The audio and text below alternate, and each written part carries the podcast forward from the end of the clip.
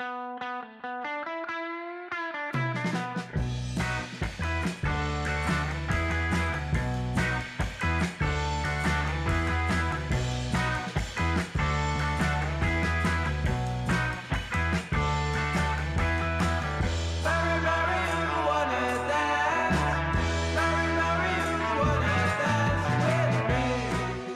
Welkom bij High Tea met Dirk en Rens, een podcast over cannabis en alles wat met deze wonderlijke en veelzijdige plant te maken heeft. Mijn naam is Dirk Bergman.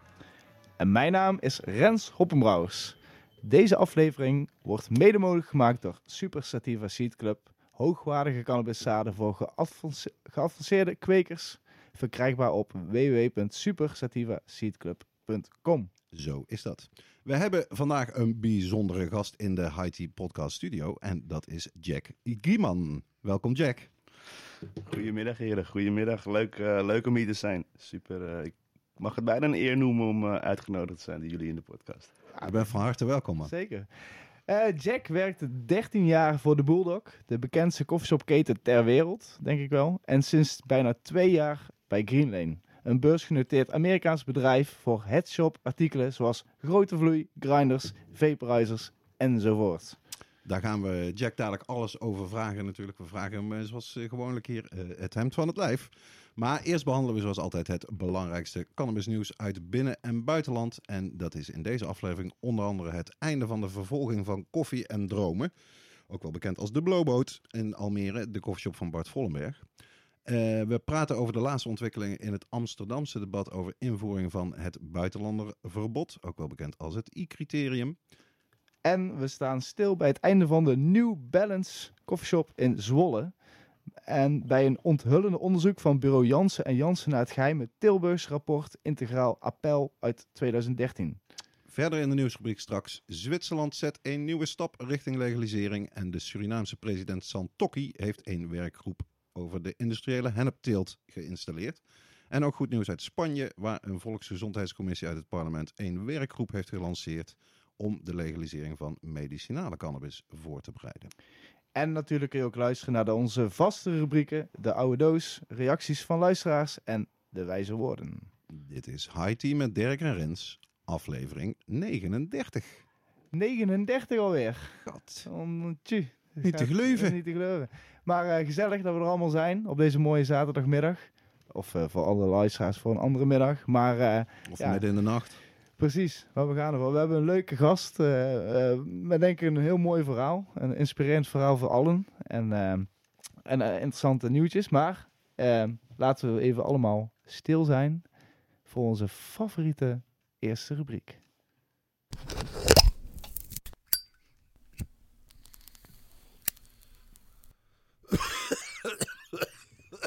Wat zit er in jouw joint vandaag?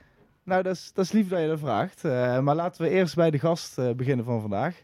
Jack, wat zit er in jouw joint vandaag? Wat zit er in mijn joint? Ik eh, ben momenteel eh, eigenlijk nog de samples aan het testen van de, van de High Life Cup.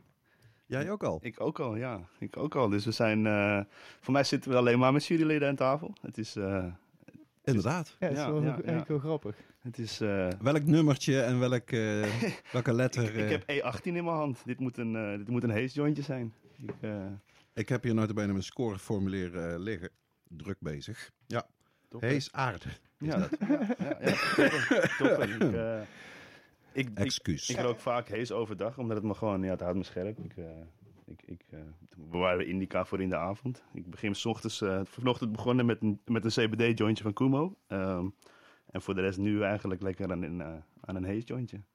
Oké, en ben je echt een wietroker of ook wel hash? Of Ik rook alleen maar wiet. puur wiet? Alleen maar wiet, ja. En sinds een jaar nu ook gestopt met sigaretten roken.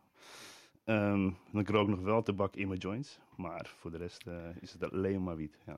ja. Maar nog steeds geen puurroker? Nog steeds geen puurroker. Nee, het is wel een streven. Ik eh, wil uiteindelijk helemaal stoppen met, met, met tabak erin doen. Ik merk zelf, eh, als ik bijvoorbeeld op vakantie ben en ik heb een pennetje bij me met alleen THC. En ik rook echt drie weken puur THC, dat ik ook anders stoned word en een stuk actiever ben. Nog actiever. Ik bedoel, ik wil niet zeggen dat ik lui word van mijn, van mijn stickies op het moment. Maar ehm, ja, het is, eh, het is wel een streven. Ja. Tabak is toch dat vergif eh, in, een- in een joint.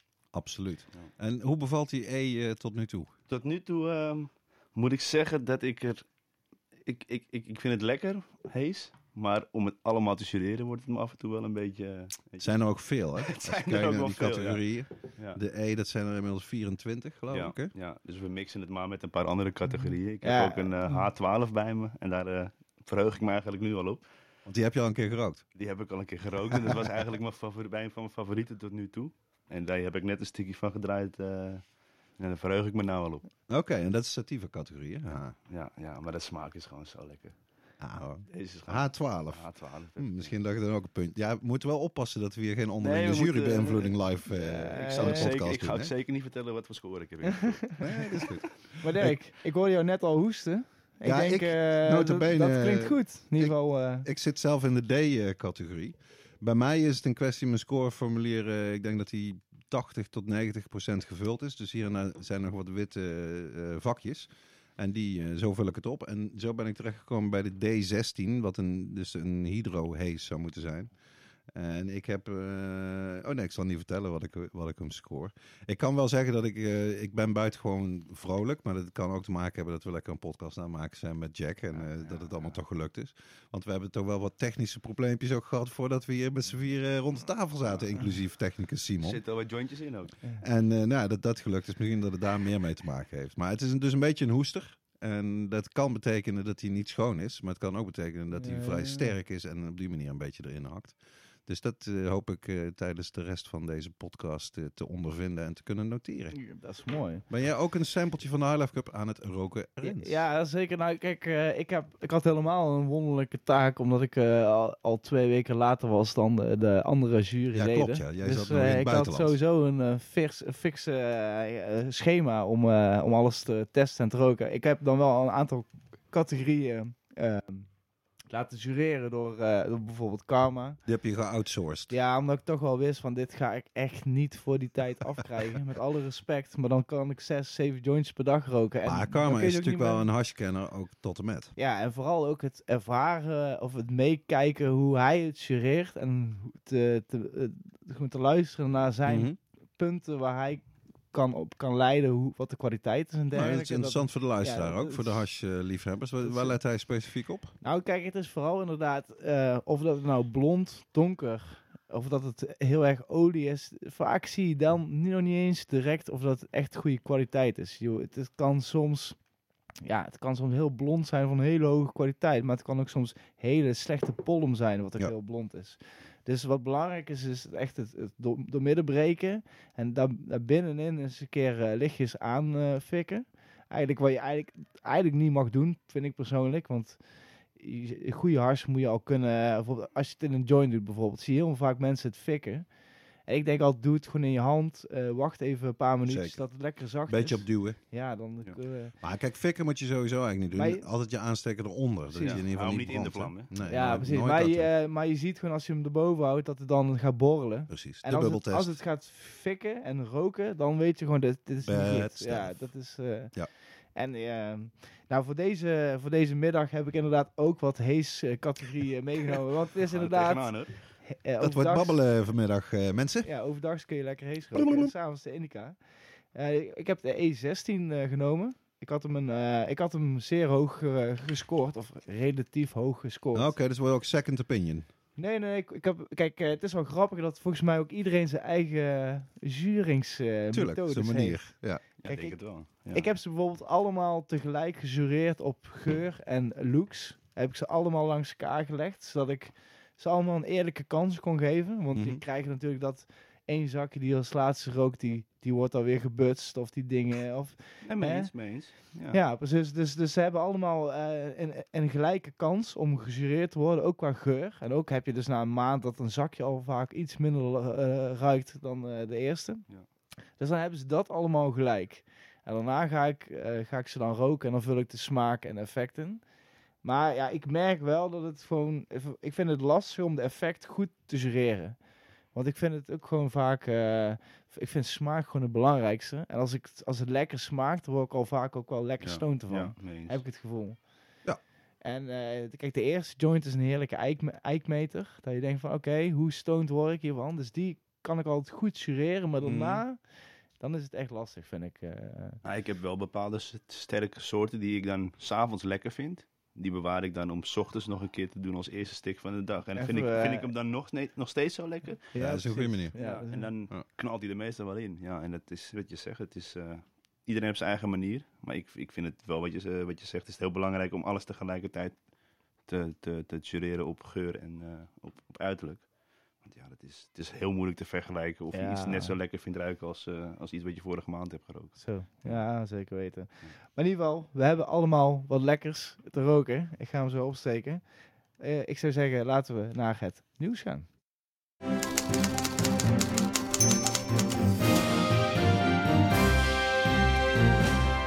Ja, de nieuwsrubriek zit lekker vol vandaag. En het meeste is gelukkig goed nieuws. We beginnen met een bericht dat net te laat binnenkwam voor, deze voor, voor, de vorige aflevering. Sorry. Op 21 april heeft de rechtbank Midden-Nederland het Openbaar Ministerie niet ontvankelijk verklaard in de zaak tegen koffieshop Koffie en Dromen in Almere, beter bekend als de Blowboot. Ja, hyper de piep hoera. Daarmee komt eigenlijk een einde aan eh, een twaalf jaar durende juridische strijd. Eh, zeer gekend in koffieshopland, eh denk ik, de eigenaar van de Blowboat. Hè? Eh, Bart Vollenberg heet hij. En ja, die is eh, een beetje vergelijkbaar met wat ook met Checkpoint in eh Terneuzen is gebeurd. Wat eigenlijk ook met Johan van Laarhoven en de Grass Company Coffeeshops in eh, Tilburg en Den Bosch is gebeurd. Het OM is werkelijk all out gegaan om die koffieshop achterover te trekken. Om al het personeel als criminele organisatie weg te zetten. Om alles, waanzinnige vorderingen op te leggen. Nou ja, het hele pakket. En eh, Bart Vollenberg heeft dat eh, niet laten gebeuren. En heeft eh sprongadvocaten onder andere in de arm genomen. En heeft ook destijds besloten om Stichting Epicurus Foundation op te richten als een denktank eigenlijk die het debat in Nederland meer moest gaan stimuleren over waar zijn we in godsnaam mee bezig. Hè? Dat dat op die manier allemaal nog gaat met de coffeeshops. Uit Epicurus is weer Cannabis Connect voortgekomen, waar luisteraars misschien van gehoord hebben ooit. Een soort koepelorganisatie ook hè, voor eh coffeeshops. Een aantal congressen hebben zij georganiseerd, heel succesvol. En ik denk zelf eerlijk gezegd dat als het Openbaar Ministerie niet met het volle gewicht achter Bart was aangegaan en achter koffie en dromen, dat eh Epicurus nooit opgericht zou zijn en daarmee ook niet Cannabis Connect. Dus in zekere zin kunnen we toch het Openbaar Ministerie bedanken dat ze hebben geholpen om de coffeeshop lobby eh, wat meer te stroomlijnen in Nederland. Maar hoe dan ook is dit goed nieuws. Eh, ja, de, ik, heb hier de conclusie van de rechtbank. Eh, de conclusie is dat de beslissing van het Openbaar Ministerie om in deze zaak de vervolging van verdachten voor te zetten, gelet op alle hier noemde, genoemde feiten en omstandigheden, in onderlinge samenhang beschouwd, in strijd is met het beginsel van een redelijke en billijke belangenafweging. De rechtbank zal de officier van justitie daarom niet ontvankelijk verklaren in zijn vervolging. Ja, buitengewoon goed nieuws. Zonder meer. Ja, en Bart is ook echt een eh, prima man. Of nu wel, het is echt een, echt een nette kerel. Dus ik vond het Hele altijd goede apart dat ze hem zo hard proberen te Ja. pakken altijd. Vond ik altijd zo verpand. Maar je ziet wel dat ze echt de verkeerde hebben uitgekozen Ja. volgens mij. Nou, ik weet ook nog Ja, wel, Het is echt toen, een strijder. eh, nee, toen die strijd eigenlijk net begonnen was, toen heeft hij mij al eens een keer verteld, eh luister Dirk, als ze mij zeg maar als georganiseerde crimineel gaan eh, veroordelen, dan moeten ze dat ook doen met Annemarie Jortsma, de burgemeester destijds. Want die heeft zelfs gewoon een adver- advertentie geplaatst, een soort openbare aanbesteding van ik wil een koffieshop. Almere toen. Ja, en eh, wie wil dat eh, gaan doen? En alles is ook helemaal gedocumenteerd vanaf het eerste begin. Waar die koffieshop moest zijn, hoe de parkeerruimte moest zijn, al die dingetjes. Het is allemaal in onderling overleg gegaan. Dus ik denk dat die inschatting correct was. Als een rechter hem had veroordeeld hè, dat, hij, dat, dat hij een georganiseerde crimineel was, dan hadden ze ook de burgemeester en VVD-boegbeeld Annemarie Jortsma moeten veroordelen. En die kans was natuurlijk niet al te groot. Maar eh, ja, het heeft wel twaalf jaar moeten duren. Moet je kijken wat het ook gekost heeft voor de belastingbetaler. En dan heb je het inderdaad, wat je al zegt, over een keurige ondernemer. Super transparant, doet Ja. alles volgens de regels. Eh, Het ja, zou zo je buurman kunnen zijn. En dan zou ja, je daar worden de dus niet weten dat hij een koffieshop daar zijn letterlijk dus miljoenen aan eh, verkwist. Ja. Om te komen tot deze conclusie dat deze man eh, niet vervolgd moet worden, omdat het niet redelijk of billig is. Belachelijk. Shop zit op een mooie plek. Het, is, het zit niemand in de weg. Ik ben er eerlijk gezegd zelf nooit eh, Nee. geweest bij Ik de, bij de Ik Blowboat. ben er twee keer geweest. Het is echt wel... eh, ik, ik, ik snap het niet. Maar misschien juist omdat het zo'n bedreiging is. Hè? Ik bedoel, zulke jongens die juist dingen op orde Mhm. hebben, kunnen een bedreiging zijn voor. Ja, zou ook nog kunnen. Vandaar dat ze er misschien extra hard op ingaan. Maar ja, uiteindelijk, zo- eh, zo'n zo iemand krijgt natuurlijk wel de, de, de maatschappelijke opinie of zo. Krijgt makkelijker mee natuurlijk dan een, een Rotterdamse havenarbeider met vol met tatoeages inderdaad. Dat is, ze eh, hebben de verkeerde hier hoor. Nou, hij is in de media natuurlijk ook altijd buitengewoon sterk. Hè? Hij. Een aantal keer eh, natuurlijk op tv geweest en, en op radio. En hij kan het heel erg goed uitleggen. Nee, dus ik moet zeggen, meteen op de dag van de uitspraak heb ik een mailtje gestuurd om te feliciteren. En uit te nodigen als hij zin heeft en tijd om een keer in de Haiti podcast eh, aan te schuiven. Ja. Dus laten we hopen dat hij daar eh, zin in heeft. ja, ik denk dat hij een eh, leuk verhaal heeft. Ik zeg, laten we Next doorgaan met nieuws uit Amsterdam, de stad van Jack. Er komt een ex expert meeting aan over het I-criterium en de besluitvorming. Die is uitgesteld naar het najaar. Ja, klopt. Hoe, hoe zit dat? Eh, nou, die expertmeeting die komt op 23 mei. En eh, het is nog niet bekend wie daar precies komen spreken. Maar dat zal interessant eh, worden sowieso.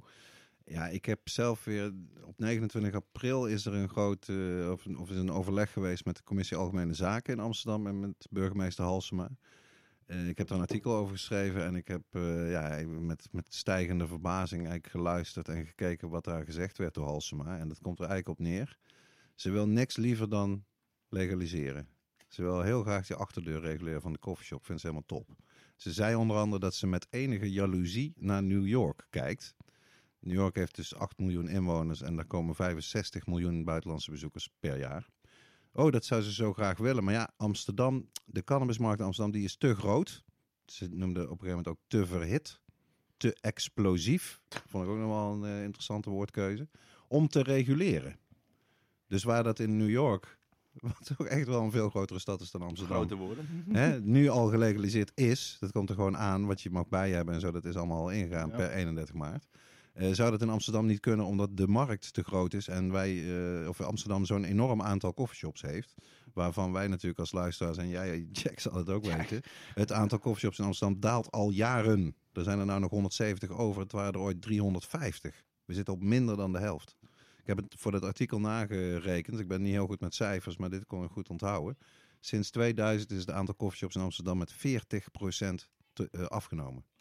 Dus waar Halsema doet voorkomen alsof dat groeit, het, het is letterlijk tegenovergesteld. Dus je zag eigenlijk, en dat kwam met name door een eh, SP-raadslid, Erik Flentge heet die meneer. Eh, die vond ik veruit het sterkst in het debat. Die eh Halsema echt dwong om duidelijkheid te geven over wat ze nou eigenlijk bedoelde. En die ook terecht zei, de hele besluitvorming vanuit, het, eh, vanuit Halsema leunt eigenlijk op één rapport, één onderzoek. Eh, dat is ook nog een kleine enquête geweest, maar die is dus op de Wallen, in het Wallengebied, hebben ze toeristen gevraagd. Ja. Ja, Niet zo gek. vragen ja, wat ze daar komen doen. precies. Als ze zeg maar hè, op de Kalverstraat waren gaan staan of in de PC Hoofdstraat, dan hadden ze een totaal andere uitkomst gehad. Dat, is niet heel moeilijk te voorspellen. Dus die SP'er die zei terecht, is dat dan voldoende reden om te zeggen, we gaan dit zware middel inzetten van een ingezetene criterium, waarbij je gewoon iedereen die daar iets over weet en daarmee te maken heeft gehad, met name hier in het zuiden van Nederland, weet natuurlijk, I-criterium is dealerfeest. Een geweldige opportunity voor iedereen die wel bij wil verdienen. Want die toeristen die blijven gewoon komen. Want die komen niet alleen voor die coffeeshops, die komen voor Amsterdam. Of voor weet ik veel wat. Maar een heel klein deel denk ik dat maar alleen nog komt voor de wiet. Ja, Ja, dus die blijven gewoon komen. En die kopen het dus op straat. Of die, kopen, die kan het in het hotel laten bezorgen via Ja, die zijn er de klaar 06 voor. dealer. Ja. Die zijn er Die klaar zijn er voor. klaar voor. Wat Zo je simpel zegt. is het. Die, Ja. eh, Dus Ja. nou ja, je zou kunnen zeggen het goede nieuws uit het debat, of het goede resultaat is dat Halsema eh, toe heeft gezegd dat er eh, gekeken gaat worden naar ervaringen in andere steden in Nederland die het I-criterium inmiddels weer hebben ingetrokken. Zoals mijn eigen stad Eindhoven, maar Of Tilburg. Tilburg en ook Vlissingen. Nou ja, er zijn er ongelooflijk veel. Het wordt bijna nergens meer gehandhaafd omdat het zo'n domme maatregel is. Maar goed, daar komt dus onderzoek naar. Dus dat zou dan moeten kunnen helpen bij die besluitvorming. En dat is uitgesteld tot het najaar. Waarbij dan typisch politiek niet wordt gezegd welke maand of welke datum. Nee, dat moeten we allemaal nog maar zien. En Halsema had het ook over als ze het al zouden gaan doen, dat die criterium, dat er dan een ruime overgangstermijn zal zijn. Dus je kan daaruit concluderen dat eh, ja, inschatten hoe groot die kans is, dat is echt koffie, koffiedik kijken. Ik zie ze nog wel zo stom zijn dat ze het gewoon gaan proberen, eerlijk gezegd, in Amsterdam. dat denk ik. Ja, ik, ik, denk, dat- ik denk dat de huidige crisis al een soort test is, toch? Ik bedoel, ik denk dat het voor de meeste coffeeshops die 90% op, op Mm. toeristen liepen, dat het niet zo goed meer gaat in Amsterdam. Nee, en dat is wel, dat, dat zie je natuurlijk heel erg duidelijk. hoeven waar het eigenlijk al niet meer te doen. Het is toch gewoon, het gebeurt nu. Ik bedoel, er zijn genoeg, er zijn geen toeristen in de stad. En dat is, eh, dat is schadelijk voor heel veel coffeeshops. Ik denk dat, eh, Maar je ziet wel dat met name de VVD in de raad, eh, Daan Wijnands heet hij, die is gewoon eh, 100% voorstander. Die wil het zo snel mogelijk invoeren. En die framet het een beetje, ja dadelijk komen die toeristen weer. Ze gaat de stad weer open en dan moeten we klaar zijn. En dan moeten we i-criterium hebben. Dus je ziet, ja, daar wordt verschillend over gedacht. En, ehm, maar ik, ik, ik, toen ik de, het is drie kwartier dat ze het eh, over dit onderwerp hadden. De, de Halsema bena- benadrukte een paar keer trouwens dat in haar plan nog allerlei andere voorstellen zaten, behalve het i-criterium. En dat ze daar toch ook niet moesten vergeten om daarover te praten. En dan gaat het over verruiming van de voorraad. Wat dus een landelijk beleid is. Dat kan helemaal niet lokaal eh, echt veranderd worden. Je hebt dan geen poot om op te staan als koffieshophouder. Ook al zegt Hals- Halsema dat nog honderd keer. Maar ook een keurmerk, wat we uit Haarlem bijvoorbeeld kennen. Eh, dus het is wel zo, er zijn meerdere voorstellen. En dat zou weer kunnen betekenen dat als deze keutel toch wordt ingetrokken, dat Halsema daarmee weg kan komen door te zeggen, ja, maar we hebben ook allerlei andere eh, voorstellen nog, die gaan we allemaal doen. En eh, dan komt alles toch nog goed. Maar eh, nou ja, wordt vervolgd. Maar in ieder geval hebben we voorlopig ja. eh, nog geen koffieshop apartheid in eh, Amsterdam. het lijkt mij niet zo ingewikkeld wat hier wel en niet gaat werken, toch? Ja, Nee. ik bedoel, eh, ik, ik ben er... ik heb 25 jaar op de Wallen gewoond. Ik weet precies wat, eh, waar, de toeristen op, op, waar de toeristen voor komen. En ik denk dat je dat niet zo snel wegkrijgt. Nee. Dat ga je zeker niet wegkrijgen. En mocht je het wegkrijgen, ik denk dat er ook nog steeds heel veel mensen zoals ons zijn, die op vakantie komen en sowieso wat te roken willen hebben. Ja. En niet eens komen om te roken. Weet je? Dus die zwarte markt, ja, die is er al en die zal alleen maar meer eh, toenemen. Ja, dat is iets wat bijvoorbeeld August de Loor van eh, adviesbureau Drugs in Amsterdam ook altijd benadrukt. Er wordt veel te veel gefocust op een soort spookbeeld van een jonge drugstoerist, coffeeshop-toerist, weet ik Ja. veel wat, die alleen maar komen om te blowen, die niks geld uitgeeft. Ja. Nou, die zijn er best wel een paar. Ja. Maar al die mensen die bijvoorbeeld gewoon naar congressen komen, die naar festivals komen, die er heel veel zijn in Amsterdam Musea, elke week, musea. hebben. Ja, in ieder geval een flink deel daarvan, die wil gewoon roken. En als dat niet kan, dan, dan zullen die ook niet denken van, nou dan rook ik deze week maar even niet. Want ja, eh, dat hebben we hier gezien van Limburg, Brabant, met name hier in het zuiden, waar ze het een tijdje wel hebben geprobeerd. Wij hadden hier nooit dealers in Eindhoven op straat die jou aanspraken over wat dan ook, maar toen hadden we ze wel. En dat heeft net zo lang geduurd tot ze het hier hebben, ja, de handhaving zijn gestopt. En toen waren ze ook weer als sneeuw voor de zon verdwenen. Dus het is, het is waar wat je zegt, het is niet heel moeilijk om uit Ja. te figuren wat hier wel gaat werken en Ik wat schrik, niet. ik schrik er überhaupt van dat we, hoeveel jaar na, na het wietpasidee nog steeds, dat de mensen nog steeds met het ingezeten criterium. En dan een GroenLinks burgemeester, ik zeg het er nog maar een keer. Ik bedoel, we hebben het over. Dit, dit, dit is voor mij, het is voor mij belachelijk. Het is, eh, Echt achterhoedegevechten. ja, het is, eh, je kan er zoveel geld mee verdienen. Er is altijd zoveel mee te verdienen op die toeristen ook juist. Als je het reguleert en als je het goed doet met elkaar. Als stad. Ik bedoel, ik denk dat we het best nodig hebben nu. eh, de inkomstenbron. Ja, reguleer zoiets. Zo ingewikkeld is het allemaal niet. Nee, precies. Nee, helaas. Ja. Ik, eh, laten we in ieder geval doorgaan naar een ander droevig eh, nieuwtje. En wat mij persoonlijk ook eh, enorm eh, raakt. Onze grote vrienden van de New Balance uit Zwolle eh, gooien na meer dan 30 jaar hun, eh, eh, hun handdoek in de ring, om het zo maar te zeggen. Het, ze gooien het beltje erbij neer. Ja, zwaar kloten. Het is eh, per 1 mei dicht. Eh, het was al een tijdje bekend dat het echt gewoon eh, slecht ging. Met eh Eddie en Miriam, hè, de, de, oprichters van de New Balance en hun zoon. Die ook ja, eigenlijk altijd in de zaak heeft gewerkt, Pascal.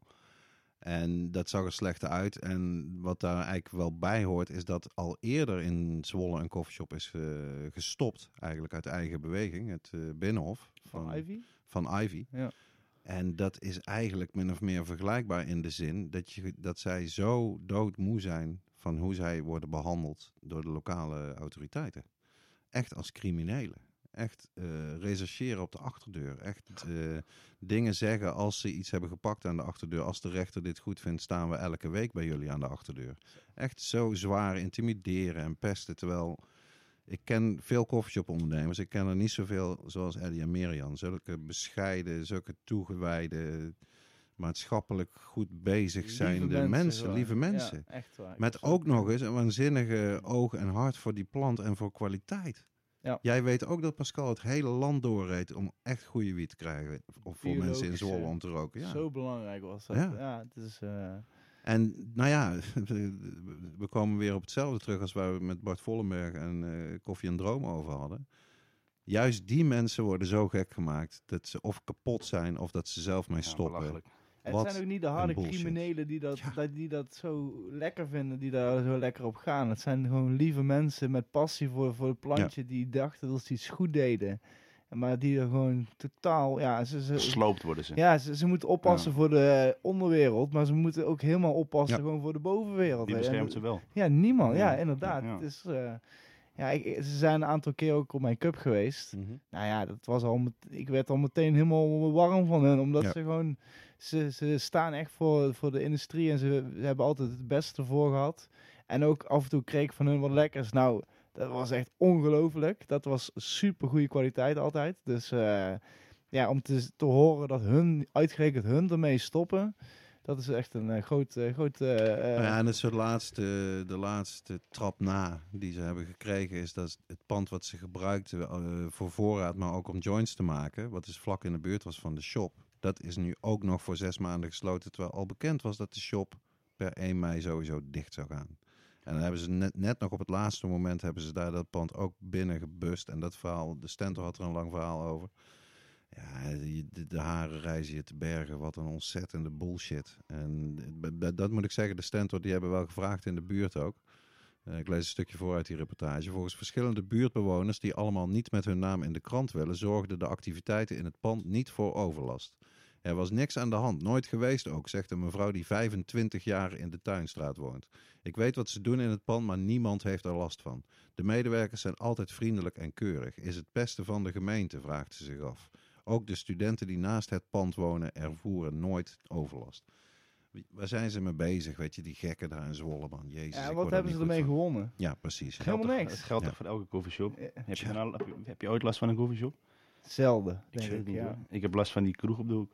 Ja, Ja, dat is hier ook duidelijk. Ik heb zelf ook een kroeg op de hoek hier. Ja. En ja, eh, ik vind het goed, want ik woon in de stad. Ik woon in het centrum. nee, Als ik niks wil horen, dan eh, Ja. ga ik ergens anders wonen. Maar het lallen, het schreeuwen, het keihard zingen, Ja. weet ik voor wat allemaal. eh, kotsen af en toe in je plantsoen. Ja, dat is toch niet van het wietroken of Nee, hashroken. nee, nee. Dat is echt van het drinken, toch? Ja, dat, daar zijn wij het over eens. Ja, ja, ja, ja.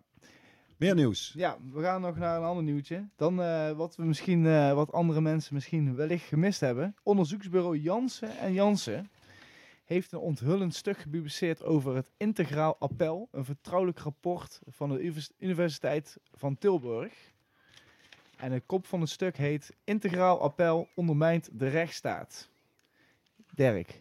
Ja, dat, dat onderzoeksbureau is heel interessant. Bestaat volgens mij al sinds de jaren tachtig. En doet heel diepgravend eh, onderzoek, langerlopend onderzoek naar eh, maatschappelijke issues. En zijn nu eens in die hele ondermijningscircus eigenlijk gedoken. Eh, Pieter Tops, zijn naam, die valt hier wel eens vaker in de show. Een hoogleraar of ex-hoogleraar, dat is ook niet eens helemaal duidelijk. Lector aan de politieacademie, die eigenlijk heel grote invloed heeft op het cannabisbeleid in Nederland, kan je toch wel zeggen. Ja. En dat heeft heel erg veel te maken met dit lang, lange tijd vertrouwelijke rapport Integraal Appel. Eh, daar komen ook die cijfers uit en dat staat uitgebreid in dit artikel. Ik raad iedereen aan om eh, de lange versie daarvan eh, te lezen. Dat er, eens even kijken, ja, 800 miljoen zou er omgaan alleen in Tilburg in de wietkweek. En eh 2400 mensen in Tilburg zouden werkzaam zijn in de wietkweek eh, gedoe. En later, dat zie je dan gebeuren, dat kranten dat overnemen. Dat, dat de burgemeester toenmalig van Tilburg, Noord-Anus, dat hij zelfs zover ging, ja, ik zou niet weten waarom niet elke andere stad ook zoveel zou hebben. Ja, en dan kom je dus dat, dat in Nederland voor, voor 90 miljard aan wiet wordt gekweekt of zo. Nou, pure bullshit. Maar ehm, zoals ook blijkt, ik, ik zal de intro even voorlezen, heeft dat wel overal invloed op. Eh, Integraal Appel is een vertrouwelijk stuk dat is verschenen in november 2013. Het stuk eindigt met een appel, een oproep om te investeren in integrale aanpak. Daarmee is Integraal Appel een lobbydocument van Tilburg University. Door de mystiek rondom het document, het rapport was lange tijd geheim, is de invloed in de media en de politiek groot. Het document heeft zelfs zijn weg gevonden in de rechtspraak. Terwijl aan alle kanten duidelijk is dat het helemaal op drijfstand is gebouwd. Op beweringen van één ex-wietkweker, Alain S. Is allemaal terug te lezen in dit artikel. En eh, nou ja, ik wist zelf natuurlijk al het een en ander hoe er gerommeld wordt en gemanipuleerd wordt en gelogen wordt over dit onderwerp. Maar als je dit stuk leest, dan, eh, dan heb je nog meer eh, om je wat dat betreft echt zorgen over te maken. Over Bananenrepubliek Nederland als het tenminste gaat over cannabisbeleid. En hoe dat tot stand komt. Denk Dus je dat het enige positief effect heeft dat het nu openbaar is? Of dat Absoluut. wordt- Absoluut. Ik denk met die toeslagenaffaire die we nou natuurlijk hebben, hè, die het kabinet ook de kop heeft gekost, de hele nieuwe bestuurscultuur waar steeds over gepraat wordt, ja, daar past dit natuurlijk helemaal in. Hier wordt, wordt inderdaad gemanipuleerd, gelogen, bedrogen. En wie zijn er echt de slachtoffer aan het einde van de dag? Dat zijn hele gewone burgers. Die uit hun huis worden gepleurd voor een paar planten. Ja. Eh, RTL 4, daar was ik erg blij mee. Deze week opende half acht journaal van hun met eh, dat inderdaad gewone burgers echt nu het slachtoffer worden op grote schaal van die belachelijke drugswetten die wij de afgelopen twintig jaar maar steeds en steeds strenger hebben gemaakt. En dat besef en dan zo'n publicatie eroverheen, dat waar het allemaal op gebaseerd is, waar bijna iedereen naar verwijst, want dat krijg je op een gegeven moment, hè, dat wordt een soort repeterende wekker. Als helemaal die leugen eruit is van 800 miljoen wordt er omgezet in Tilburg, dan blijft dat terugkomen in de kranten. Dan zie je bij kleinere gemeentes dat ze zeggen, oh we moeten iets doen met ondermijning, want oh, in Tilburg is is groter dan de gemeentebegroting wat daar met wiet wordt verdiend. Ja, dat bekt allemaal lekker. Ja, ja. Maar het is wel bullshit. Dus nou ja, elke publicatie eh, juich ik toe. Follow the Money heeft ook al een aantal goede stukken over eh, meneer Tops en zijn activiteiten eh, geschreven.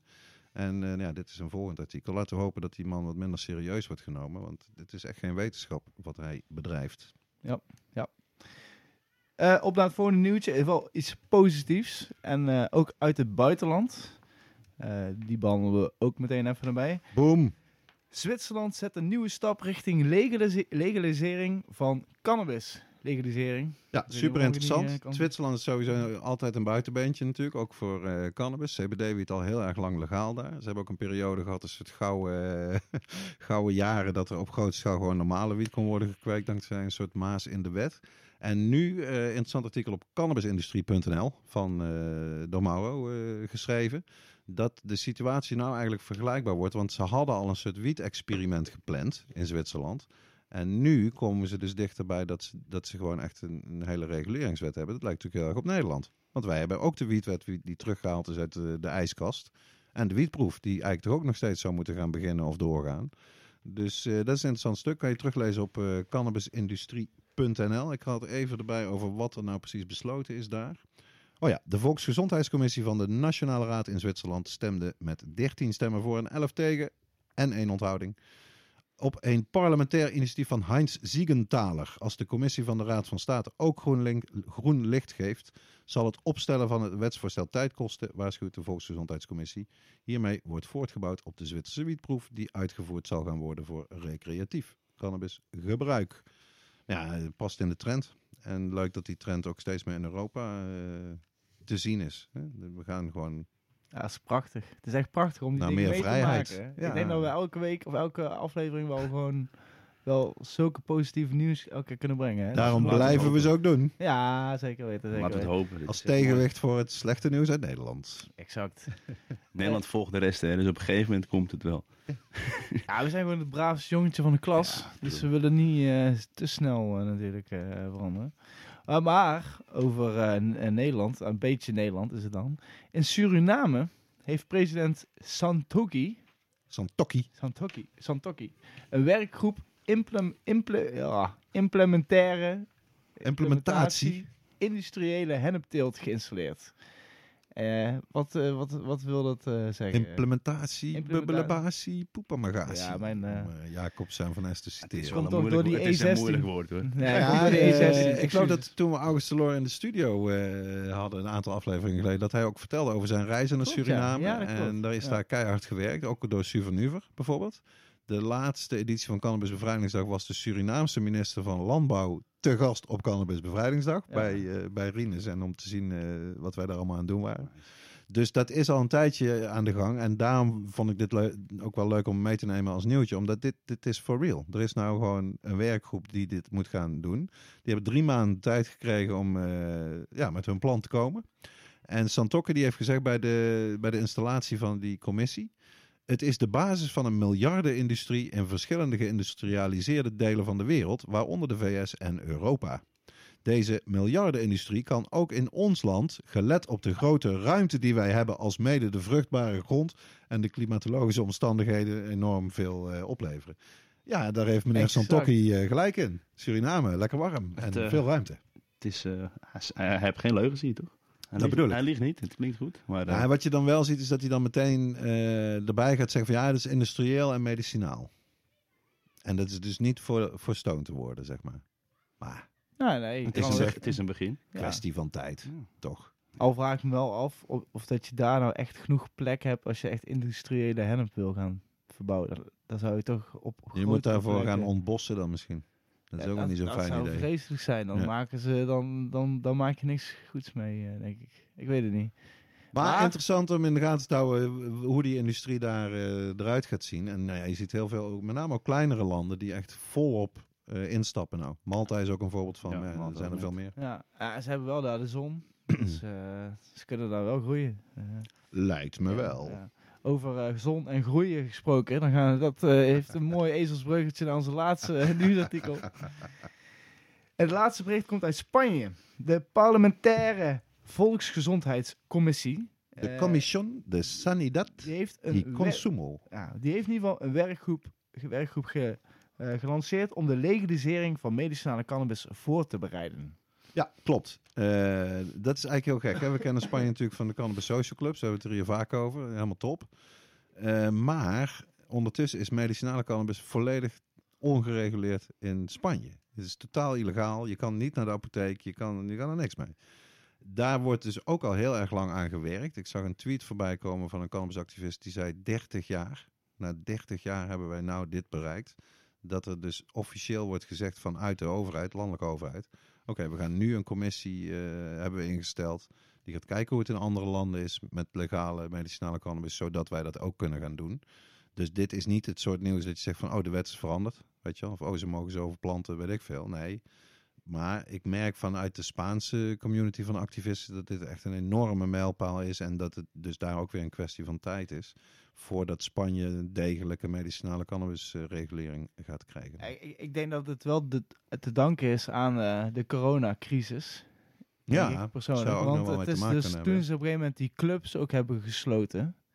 Toen kwamen ze er ook achter van shit, er is dus helemaal geen Ja. andere plek om medicinale cannabis Precies, te want alle patiënten die gaan nou maar naar een club. clubs, ja. Zoals het vroeger Ja. eigenlijk in Nederland ook was, dat, dat je dan maar gewoon naar de shop ging om je, om je medicijn te halen. Dus ik denk dat die periode, dat het daar heel veel mensen eh, toen gealarmeerd heeft van oh shit, we moeten hier nou echt eens iets op gaan verzinnen, want eh, er is geen eh, toekomst.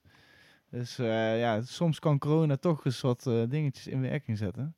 Maar het is eh, eh, Prohibition Partners. Ik heb een enorme hekel aan die naam, moet ik zeggen. Het is het consultancybureau uit Engeland. eh Ik veel krijg de- ik krijg de cannabisbeleid. ook. Ja, maar ik vind het echt, jezus, dat kan je niet een betere naam verzinnen. Maar goed, zij eh, noemen eh, in een bericht over dit, eh, dit goede nieuws dat de steun van het publiek in Spanje voor legale medicinale cannabis is 90 zo. Dus volgens ja, een recente opiniepeiling. Dus ook daar zou je zeggen appeltje eitje. Een mooie peiling, hè? Ik zeg eh, legaliseren maar. Ja, nee, het is echt, eh, het is tijd. Het is tijd. En het is ook tijd om eens wat dieper in te gaan eh, over eh, Jack Gieman. Yes. Zo goed. Jack, ten eerste eh, nog een keer, eh, of de tweede, weer leuk dat, je, leuk dat je er bent. In ieder geval leuk dat je helemaal vanuit Amsterdam richting de High studio bent gekomen. Dat is echt zeldzaam voor een Amsterdammer hoor. Dat ik kan kom wel, niet vaak eh, buiten de ring, hoor. Ik zeg, ik het je eerlijk, ik kom echt niet vaak buiten de ring. Ik ben, als ik buiten de ring kom, ben ik het land uit. Oké, dus Ja. het was, ik voelde je ook eh, ja, naar Schiphol en weg.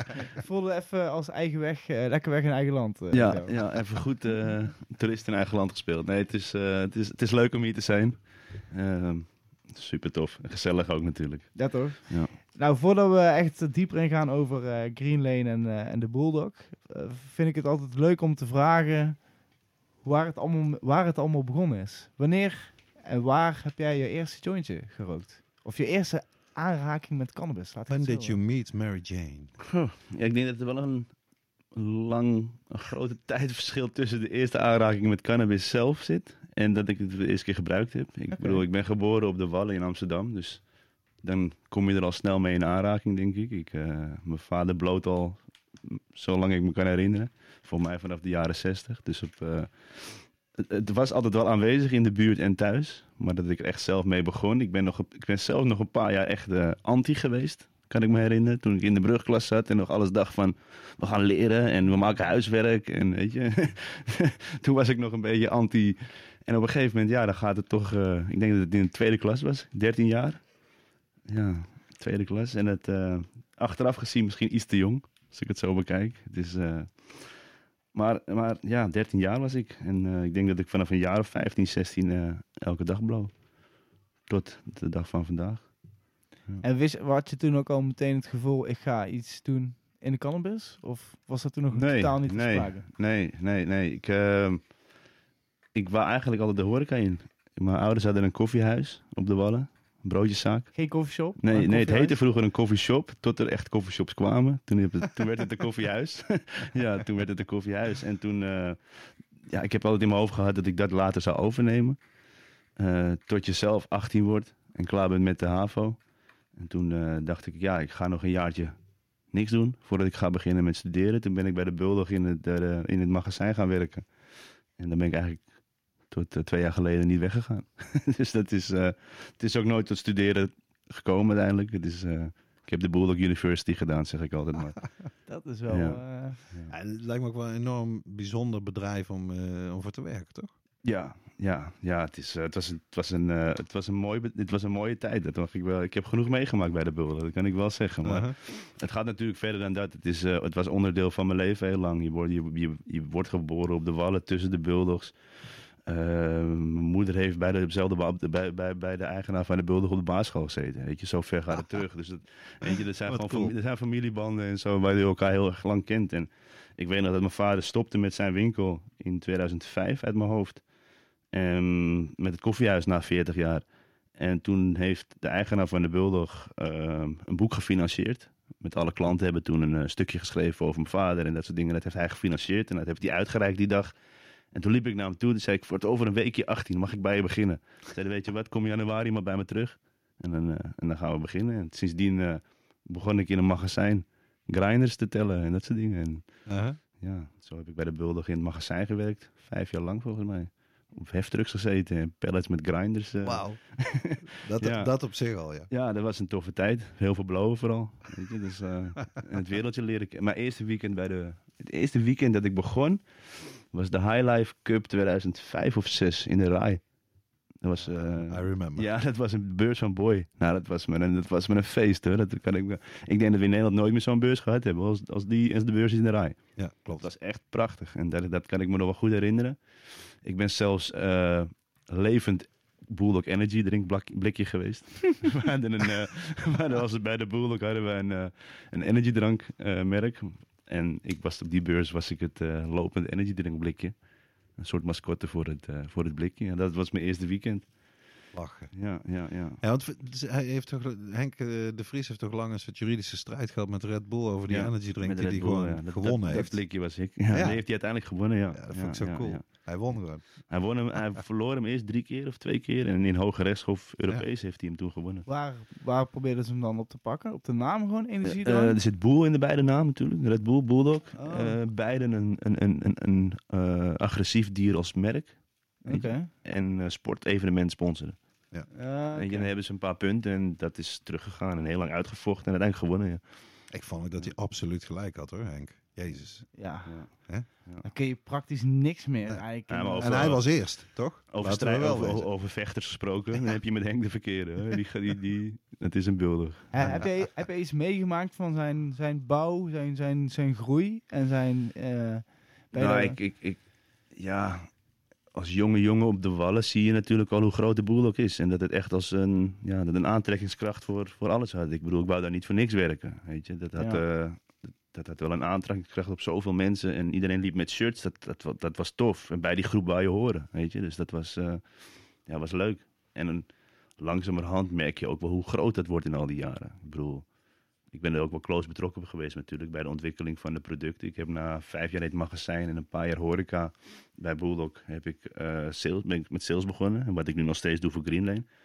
Ehm, en dan heb je ook gewoon ja, een vinger in de pap bij productontwikkeling. Dus toen zijn we van drie soorten vloedjes naar tien soorten vloedjes gegaan. En eh, van één soort grinder naar zes soorten grinders. En werk met grote merken samen. En daar hebben we, eh, toen ik daar wegging twee jaar geleden, lagen we voor mij in 32 landen. En toen ik daar begon, Zo. 15 jaar geleden, verkochten we voor mij net aan Italië. En waren we net met Coons bezig, weet je. Zelf met, met, met ons merk erop. Ja, ja. En die stappen in die 15 jaar, ja, dat, dat is wel... Het is, ja, als je ziet hoe Bulldog nu op een beurs staat, dat is prachtig. Ja, dat is, eh mogen Ja, en ze hebben ook eh, onlangs die clubs geopend in, eh, in Barcelona Ja, en ander. Nou, dat ziet er allemaal wel. Ja, de naam is groot genoeg. uit, ja, het is strak, het is een huisstijl. Maar dat, dat, heb ik, dat hebben we wel meegemaakt toen, we daar, toen ik daar werkte. Inderdaad, op een gegeven moment werd er ook echt een, een, een marketingboek. kwam er een, een huisstijl kwam er naar voren. En er werd met één lettertype. Ge, weet je. In het begin was al het geel was. Ja, weet je, op shirts was het geel toch een ander soort geel dan op een Ja, grinder. het moest, Ik bedoel- moest gewoon geel zijn. Ja, het ge- geel is geel. Nee. En nu gewoon PMS. En nu is het gewoon 1200 PMS. Ja, en dat, en dat, dat, die professionalisering, ja, dat, dat zag je wel gebeuren. En dat is wel wat de Bulldog Bulldog maakt natuurlijk. En,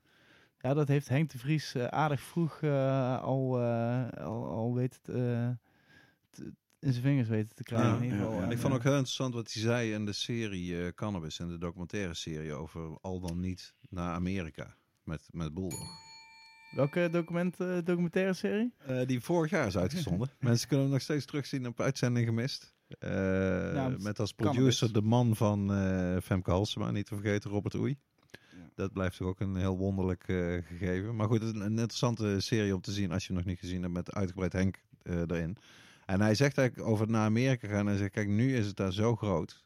Daar zijn zulke grote brands met zoveel power. Dat ik eigenlijk denk, Europa is een hele grote markt. En daar is nog een hele hoop te doen. Laat ik eerst dat eigenlijk maar eens doen. Want misschien kom ik er überhaupt niet eens echt meer goed tussen in Amerika. En dat vind ik, nuchter. ja, en eh, ja, ook wel knap. Want je Ja. kan je heel erg voorstellen dat je je lekker laat meeslepen. Want natuurlijk eh, zullen er een hoop Amerikanen zijn. Dat weet ik ook gewoon Ja, zeker. Die koffers natuurlijk vol met geld. ja, die Ja. komen aanzetten bij Henk van Ja. we gaan dit en Zo, dat en dispensaries en Bulldog America en weet ik wat allemaal. En om dan eigenlijk eh, ja, te kunnen kijken van waar zit mijn kracht en waar zit ook mijn zwakte. Dat is natuurlijk, eh, ja, dan maakt je een goede ondernemer. Dus, het is wel heel erg eerlijk, toch? Ik denk dat je, het is ook gewoon, probeer het maar eens tegen een cookies. Tja. Ja, ga er maar eens tegenin als Europees bedrijf. ja, Dat de luisteraar eh, kan het niet zien, maar eh, Rens wordt vandaag gesponsord door eh, Cookies Brand. Waar je een mooie trui van aan hebt, met de bekende blauwe letters. Ja, ik denk, ik moet wel iets toepasselijk aantrekken als Jack komt natuurlijk. eh. Ja, ja, maar het is, het, het- maar het, is, dat, maar het is wat je zegt. Het is, het is ook niet zo makkelijk in Amerika, denk ik. Hoor. Ik bedoel, het is een hele bekende naam, maar zet maar iets neer. Op een Amerikaanse manier. Hè. Ik bedoel, het is een hele andere manier dan in Europa. En in Europa zijn we nog lang niet klaar.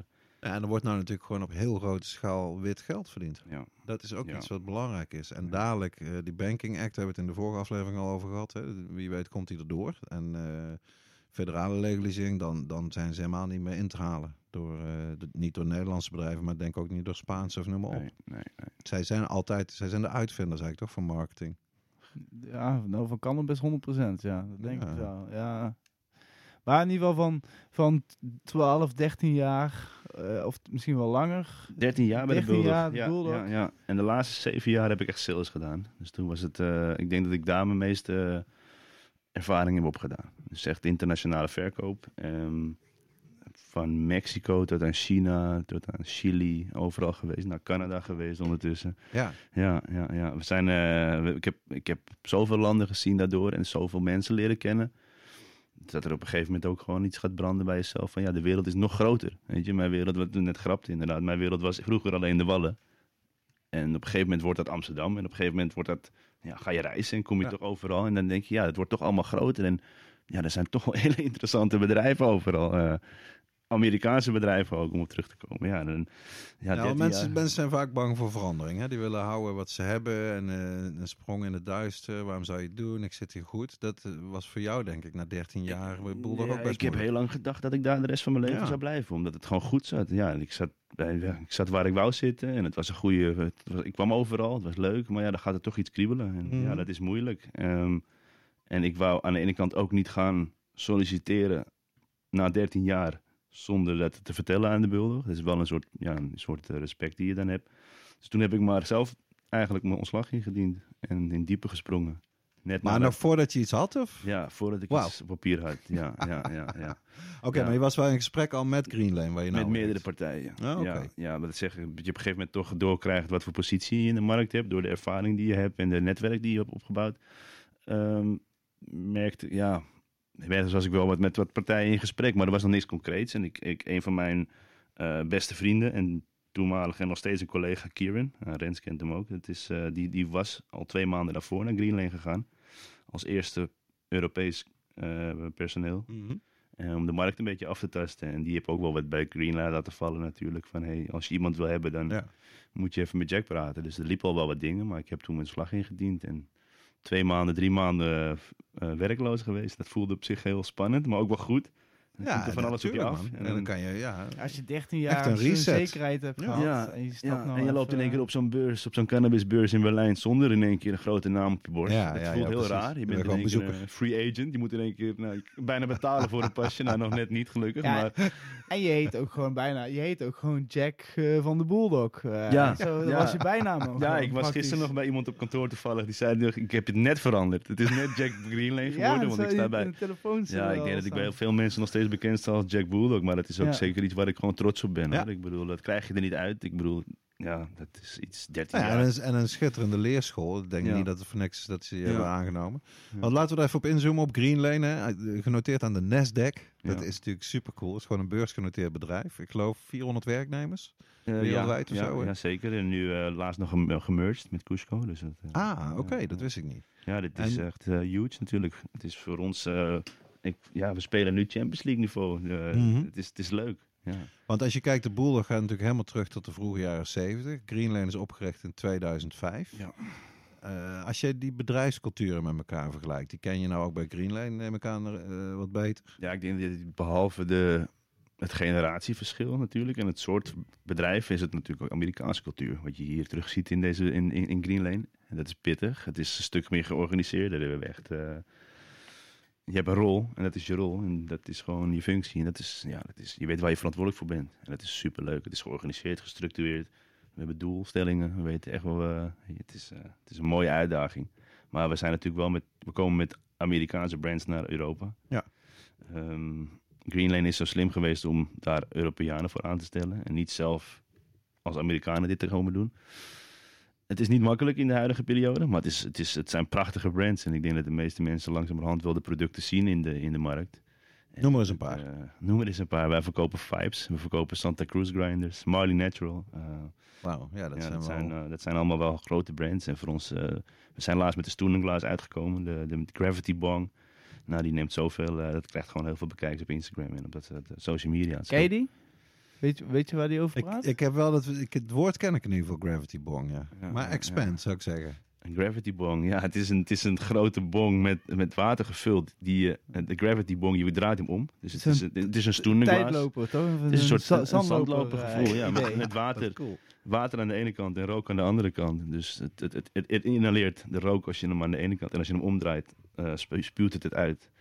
Ja, het is, Dus je hoeft eh, niet eens met te hijsen, zeg je hoeft niet eens met de hijzen. Nee, het is een beetje een shisha, een shisha is het, Ja. eh, shisha-idee. Ja. Wat cool. Ja, ja, ja, ja. Ah, het, maar het is echt een eye-catcher eh, op elke plek. Ja, het is voor ons, dat, zijn, dat is de kracht van Greenlane. We willen eigenlijk alleen maar kwaliteitsproducten brengen. En dat was de- ook Wat heb, maken jullie zelf producten of is het eigenlijk gewoon alleen wholesale van... We zijn en een, een soort powerhouse van brands. Dus Ja. we hebben een, een, een, een groot deel van de brands, zoals een Higher Standards. Dat is van ons eigen merk.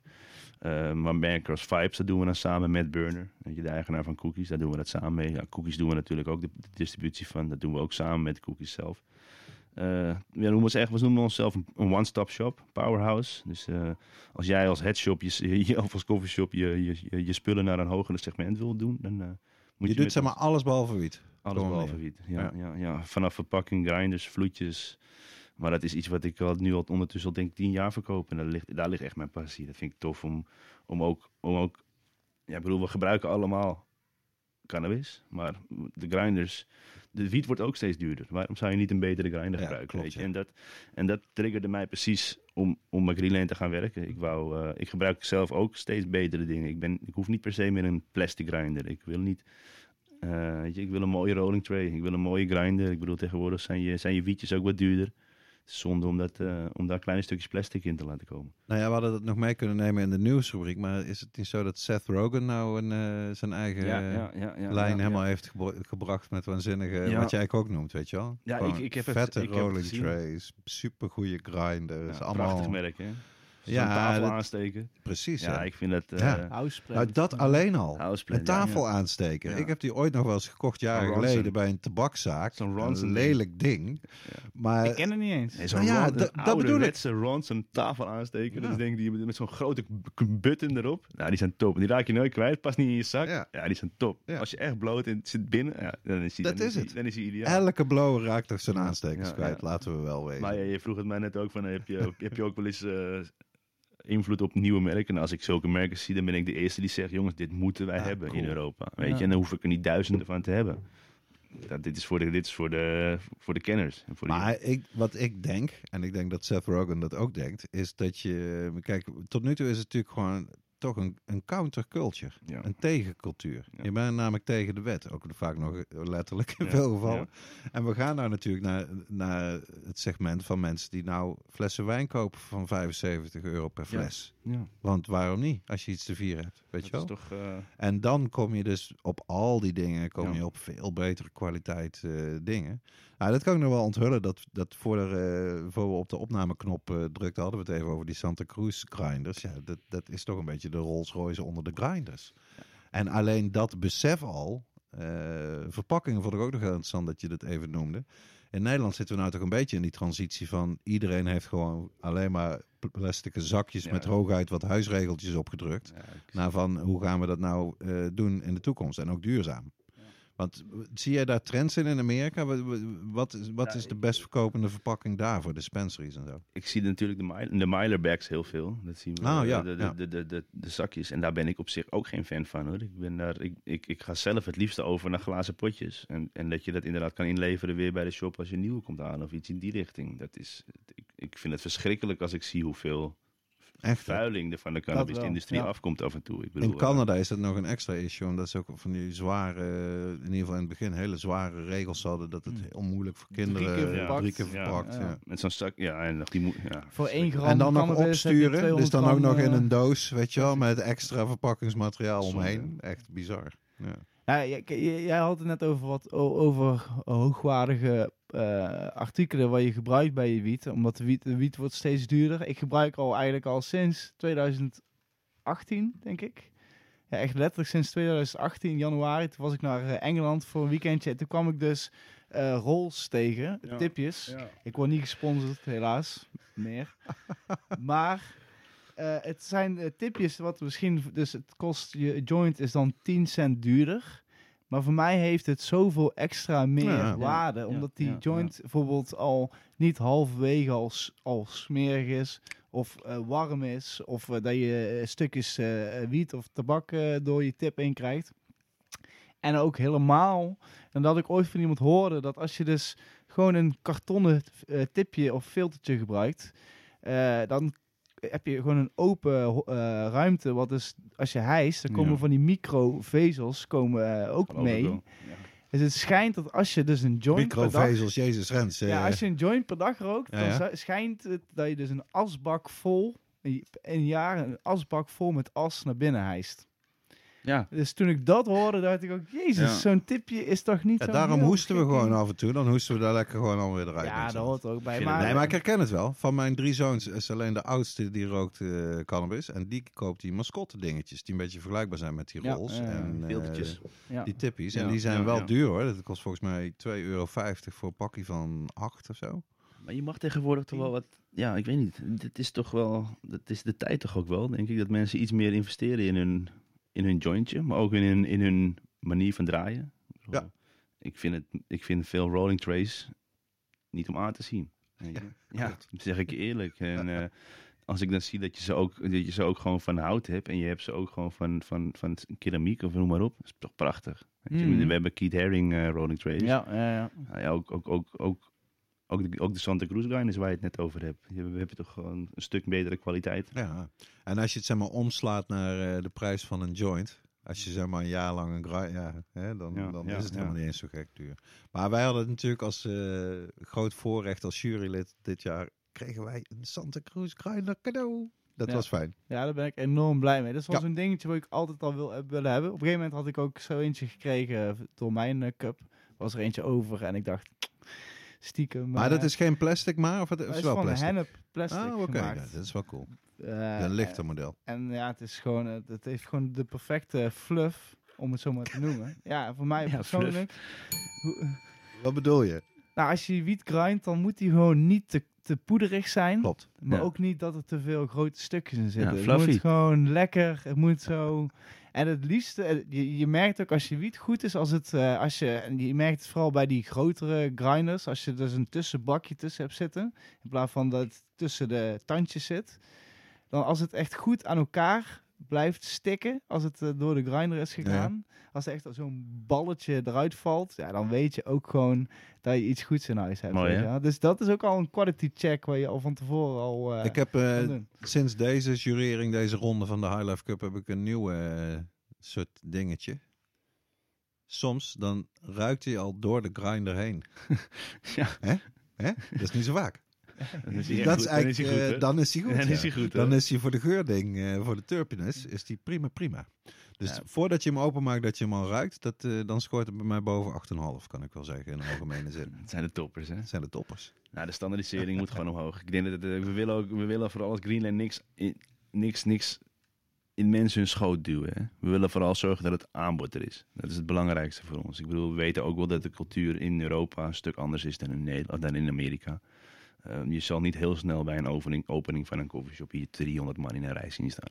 En als gekken zien springen. Ik bedoel, ik heb, ik heb filmpjes uit Amerika gezien dat ik denk van ja, Als cookies komt. Ook, Ja, ook met- ja, maar gisteren ja, met dingen- eh, Las Vegas om Ja. de strip. weet je, het, is, het is een hele andere cultuur. En, en dat merk Ja, maar je ook. denk jij niet dat als cookies hier in Amsterdam zeg maar, met een grote opening zou komen, op een mooie plek anders, ook, anders. dat er dan misschien toch wel 300 zou komen? Want je, Ja, kijk, bij de Primark met- met- staan met- ook 300 man in de rij. Met toch? een goed feestje voor het, fe- voor het feestje wel. Met Als er een burner feestje- erbij, ja, als er een feestje komt, niet wel. Maar de manier waarop ze in Amerika staan te wachten, of vanaf 's ochtends vroeg. eh voor dat is Ja, dat klopt. Maar dat zag je zelfs Ja. al gewoon bij die vroege staten, hè? die Ja. recreatief legaliseerd. is dat mensen in de sneeuw en ja, dat is eh, heel anders. die, voor hun was het gewoon heel hun leven wachten ze eigenlijk Ja. op dat moment. Maar en dan wil je daar ook bij zijn. En dat zo is voor Nederland leven anders. brands heel anders in Amerika. Ja. Weet je, wij leven, wij zijn te Ja, nuchter klopt. in Europa. Wij zijn, Gelukkig eh, zeg ik dat daar ben ik heel blij mee ook hoor. Maar het is aan de ene kant wel moeilijk. Maar dat zeg ik, maar wij willen het aanbieden. We willen het kunnen. Weet je, het, het is er. Weet je, er zijn genoeg mensen met. met, met dus, dus het stigma is weg. Er zijn genoeg blowers die, die wel advocaat zijn. Er zijn politici, eh, er zijn mensen met geld die blowen. Die mensen willen ook gewoon een mooie rolling tray hebben van marmer.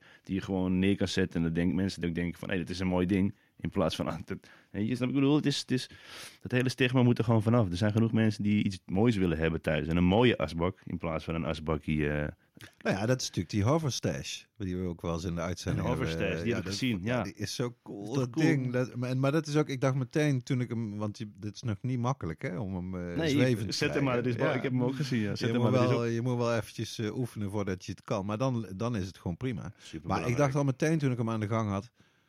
Dat is voor Amerika veel geschikter dan, dan voor Europa. Weet je wel? Dat is, ik ben, daar moet ik bij zeggen, nooit in Amerika geweest. Maar als je gewoon naar, naar kijkt, ook foto's van interieurs en de hele lifestyle is gewoon iets anders. Ja. En hier is het al snel van, we moeten je opscheppen, weet je wel? Ja. Maar normaal. En, Hij was vorig jaar voor het eerst in Amerika en dan was ik in Las Vegas. En ik moet zeggen dat ik dan denk, kan je, dan heb je geen goed beeld van Amerika, denk ik. Ik heb alleen Las Nee. Vegas gezien. Ah, ja, ja, het is ook meteen wel heel dat is extreem. gewoon een, bijna een toneel eh ja, acteurstad. maar ook, ook, eh, eh, ik- we waren in Planet 13. Ah, Ja, en dat, is, dat is wel een... eh, is de grootste ter wereld nou, denk ik, toch? Nou, dat zou me niks verbazen. Ja. Ja. en hij is, de recreationele kant is nog niet open. Dat, gaat, dat, dat gaven ze toen aan. We hebben een klein rondleiding gegeven en, eh, gekregen. En toen gaven ze aan dat de recreationele kant, die komt eraan. Waar mensen, de, de consumptie lounge. Nou, dat wordt een consumptie Ja. lounge van voetbalvelden groot. Dat is prachtig. Met een museum en een keuken waar ze edibles maken. Waar je naar binnen kan Er kijken. zit al een restaurant en alles Ja, ja, in, dat zat er allemaal al, maar-. Je weet je, pa- paspoortje. Je komt naar binnen. Je krijgt een, je krijgt een badge. Je wordt helemaal, het is gewoon strak. Ja. Weet je, je komt binnen, nou, er staat een superbekende rapper, dus het is super druk. Het, is, ja, het wordt allemaal gesponsord. Ik denk dat er misschien 200 strains lagen. Ja, weet je, al 200 die wauw. tafels. Al die tafels, Ja. je mag het kijken. Je kan het niet aanraken, je kan het niet ruiken, maar je, kan het, je, ziet, het, je ziet het en het is goed genoeg. En het is, Ja.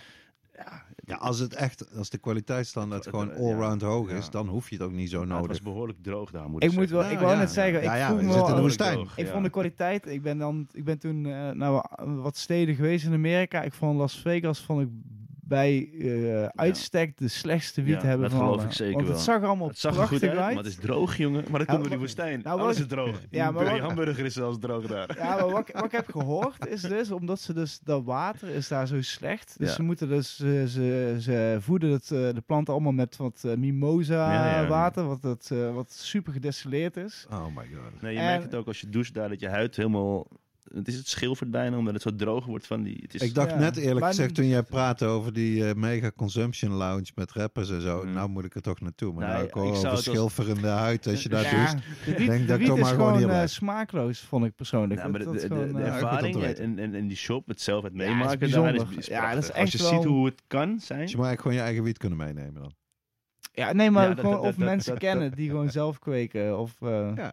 ja, je hebt ook die goed. native peoples, die Ja, kunnen daar ook gewoon. Je hebt ook de indianen die daar de ook kweken. heb je ook gewoon daar, Ja. die, die, die grow ook. Ja. En daar hebben ze al die eerste consumptielounges. eh. Ja, bij de laatste avond hadden we een kleine smoke sessie bij iemand die daar woont. In Las Vegas. En dan heb je wel gewoon... Ja, dat, dat was Het is er wel. Dat is er wel, Ja, weet je. Het is er ja, wel, ja, ja. zeker. Het was een topavond, hè. dat kan ik je wel vertellen. In een Amerikaanse setting. Jack, wat ik me nog afvroeg. eh, ik kan me voorstellen, zo'n baan als jij nou hebt, eh hoofdsales Europa, dat dat zich normaal gesproken heel erg op beurzen ook voordoet. Hè? Dat je veel beurzen bent, eh, dat je bent met stands bezig, maar ook gewoon netwerken. Ja. Dat is er natuurlijk helemaal niet al, nou, hoe lang? Twee jaar. Ja, Dus het is ongeveer sinds je daar bent begonnen. Ja, mijn laatste beurs waar ik zelf was, was poeh, Praag 2019 dan denk ik. Tja. Ja, ja, ja. Spannend is vorig jaar waren we wel in Barcelona, we zaten klaar en toen ging het net niet door. Maar Ja, ik heb meer van die mensen. ja, ja, maar voor Maar de wat, rest, wat eh, betekent dat dan in de praktijk voor je werk? Is het, doe je het allemaal echt gewoon vanuit huis? Of? Ja, ja, ja, zeker nu met de rol van head of sales doe ik echt. eh, ik heb zeven jongens, of zeven salespersonen in mijn team, in, door heel Europa. Dus iemand, Mhm. in, in verschillende landen heb ik, heb ik collega's. Dus ik stuur veel aan vanuit huis, maar ik mis wel het reizen. Ja, ik, eh, het is wel de bedoeling als het, weer, als het weer kan dat ik één keer per maand, twee keer per maand, Ja, precies. of bij, of bij klanten langs ga, of bij sales reps langs ga, of bij beurzen. Ik bedoel, Spannenwis ben ik tien keer geweest ondertussen. En dat is het wel. Altijd leuk, toch? Ja, het is behalve, Ja, behalve altijd leuk is dat, is dat wel precies. Ik heb het laatst nog met iemand erover gehad. Dat is wel wat mij gebracht.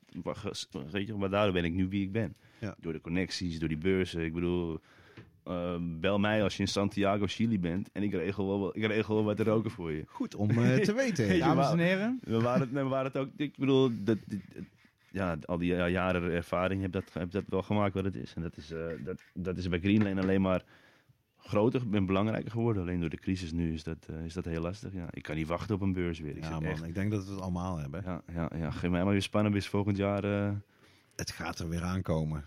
Lijkt me wel. Ja, de- de- ik had het gisteren nog met iemand Dit over. jaar nog wel. Augustus staat gepland voor Engeland. Het is heel vroeg. Dat is wel heel vroeg. Het is heel vroeg, maar het staat nog op. Ex, eh, hoe heet het? Planet-. Planet, Ik zet mijn eh, kaarten op, eh, op Praag. Ja. Dit jaar, Cannafest. november. Dan eh, Ja. zijn we er weer. Of wellicht een evenementje van ons in november. Wie weet. Ja, maar eh, eh, Daar hebben we geen tijd meer voor om dat in Ja, deze daar gaan we aflevering te bespreken. Maar ik vraag me ook nog een eh, Maar dingetje hij is wel af. interessant. Hoe zie jij het hele cannabis-experiment? Ik ben zeer benieuwd naar jouw mening daarover. Als toch een beetje buitenstaander misschien, maar toch met veel kennis eh, van zaken. En een achtergrond bij de Bulldog. Ehm, ik denk al vanaf het begin, eerlijk gezegd, dat het hele cannabis-experiment gedoemd is om te falen. Ik bedoel, het is nog steeds niet waar we op zitten te wachten, toch? Eh, Het is een experiment. Ik bedoel, waar gaan we naartoe de komende vijf jaar? Het is gewoon letterlijk verspilling van jaren. Voor mij zijn we nog steeds niet begonnen met het Nee, nog geen zaadje de grond in. We zijn nog steeds niet begonnen. Ik vind het leuk. Het, eh, het, ja, nee, het is voor mij allemaal bureaucratie. Ik vind het verschrikkelijk. Ik vind het verschrikkelijk. Ik denk dat het allemaal niet zo ingewikkeld is. Ehm, ja, het is een eh, politiek spelletje in mijn ogen. Maar is dat ook vooral omdat misschien Amsterdam niet eraan meedoet? Ik dat je denk, toch denkt van ja, in Amsterdam staan ze vijf jaar stil en daardoor is het misschien... Want het, is- het zou wel kunnen dat inderdaad die steden waar het wel gebeurt, dat er wel eindelijk eens een keer een vooruitgang is. Ja, waar ze ja, bewijzen ja, ja. van de overheid van, jongens, het Ja, is ik niet... moet zeggen dat ik ook wel eens bij shops ben nu die wel mee gaan doen. En in die regio's en die er best positief over Ja, zijn. Ja, ja. dus Het is in ieder geval iets. het is het vierde, ja, dat zeggen ze ook. Het is in ieder geval iets, maar ik moet het, ik, ik ben daar niet, ik kijk het te erg als een Amsterdammer naar, denk ik. Ja, Weet je, ja, ik, ja, dat is gewoon zo. En dan ben ik hier sowieso tegen. Als ik, hier, als ik hoor wat voor regels er allemaal in zitten en waar ze mee bezig zijn. Jongens, waar, waar zijn we mee bezig? Reguleer het. Weet je, doe het, doe het op een goede manier. Ga een keer met de coffeeshops praten. In Amsterdam ook. Ik bedoel, er is, er is genoeg kennis. Er is genoeg Ja. ervaring. Het zijn, het zijn... Ik denk dat je met, eh, als je met twintig coffeeshop-eigenaren in Amsterdam praat, dan praat je met heel machtige mensen. En dan kan je heel veel dingen bereiken. Absoluut. Dan praat je Heb je een hoop kennis? Ook, ja, heb je heel veel kennis en heel veel ervaring aan tafel zitten. Ehm, in mijn ogen is dat, eh, is dat nog niet vaak genoeg gebeurd en is dit gewoon gedoemd dat denk ik, om, te, om te falen. Ja. Ah, toch interessant. eh, We gaan het meemaken. Ja, inderdaad, inderdaad. Het zal veel afhangen van het nieuwe kabinet ook, hè? Ja, ja, ik heb het, we doen het liever zonder Rutte, denk ik toch? Sowieso. Ja, Sowieso. dat is het belangrijkste. in ieder geval een, nog een allerlaatste vraag. Wat we nog wel, eh, we- heb jij nog een tip voor mensen die in de cannabisindustrie eh, willen gaan beginnen? Dat je zegt van, nou, als je, nou, dat is echt, een denk daar eens aan. Denk daar eens aan. Vooral doen. Ehm, ik, ik moet ook zeggen dat ik de laatste tijd, sinds ik echt bij Greenland zit, meer, meer en niet per se gebonden ben aan één koffieshop, deze vraag ook meer krijg. En dat ik ook jonge jongens leer kennen die in de industrie willen komen. Weet je? En het moet, je moet het gewoon doen. Zorg dat je aanwezig bent. Zorg dat je, je. Ik bedoel, deze industrie is niet zo groot. Leer de mensen kennen en wees brutaal genoeg om gewoon erop af te stappen. Ik bedoel, we zijn allemaal blowers, toch? Ik bedoel, er is niemand van ons die gaat zeggen... Wil je alsjeblieft niet met mij praten? ik bedoel, ik ben, ik ben belangrijk. Ik ben te belangrijk. Ik bedoel, we zijn allemaal blowers. Als je gewoon naar iedereen toestapt en je doet een sticky met ze. Voor je het weet ken je letterlijk iedereen. Ja, Weet je, en zo inge- ingewikkeld is het allemaal niet. Maar je moet vooral doen. Zorg dat je op de juiste plekken bent. ja Ja, interessant. ja ik bedoel... Ah, eh, zeer inspirerend in ieder geval, zeer inspirerend. Dirk, zo, eh, want ik zie dat Dirk helemaal klaar zit. ja, Popel. Ja, hij is- ik zie hem, ik ga zeggen, de laten, we oude die, doos op zijn schoten. laten we die oude doos maar eens opengooien dan.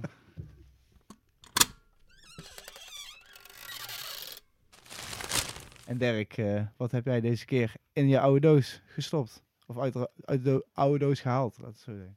Ik heb een, eh, een, een mooi dik boek uit 2010, zit er in de oude doos vandaag. En dat is samengesteld door Hafid Bouazza en Yves van Kempen. En dat is eigenlijk een beetje ook ter eh, herinnering aan eh Hafid Bouazza, die op 29 april toch onverwacht is overleden. Veel te jong, volgens mij pas 51.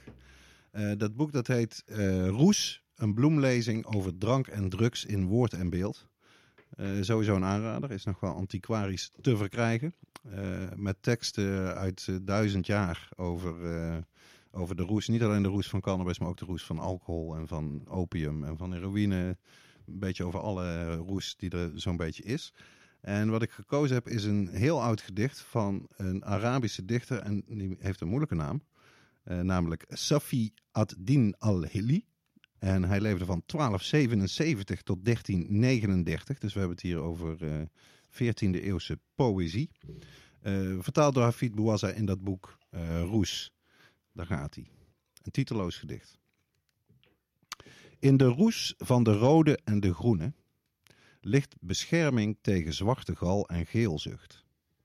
De ene ziet zonder vuur en van de andere zwaaien de flanken zonder het waaien van lucht. Verbreek met de loomheid van die het listige euvel van deze en verwonder je om hoe vaardig delen vermengd kunnen zijn. Een dronkenschap die uit deze twee is samengesteld. De luiheid van hashish en de opgewektheid van wijn. Bevrijd je door hashish van wijn en door nieuw gebladerte van wat belegen is. En met het groen van het zuiver rood, want hoe groot is het verschil tussen smaragd en cornalijn? Een roesmiddel zo waardevol dat ze in kragen wordt bewaard en verorberd wordt in de openheid van wegen. Het malen ervan doet de hand voor immer smalen, met de zoete geuren van gemalen muskus. Verknecht je aan haar en verstoot al het andere, dan leef je tussen de mensen met een blakend gezicht. In een buidel, niet in een beker, heb ik een roesmiddel, wiens inname mij bedwelmt, of slechts het ruiken eraan. Geen deel van het boek verbiedt het, Nog is de wet eenduidig in het afkeuren ervan. Toonbaar van nut geeft het een bedwelming die zielen van hun kommer bevrijdt. Het maakt dankbaar meer dan dronkenbaar, en zijn nut is groter dan zijn zondigheid. Amen. Ja, toch? Ah, zeker weten. Daar zijn we stil van, hè?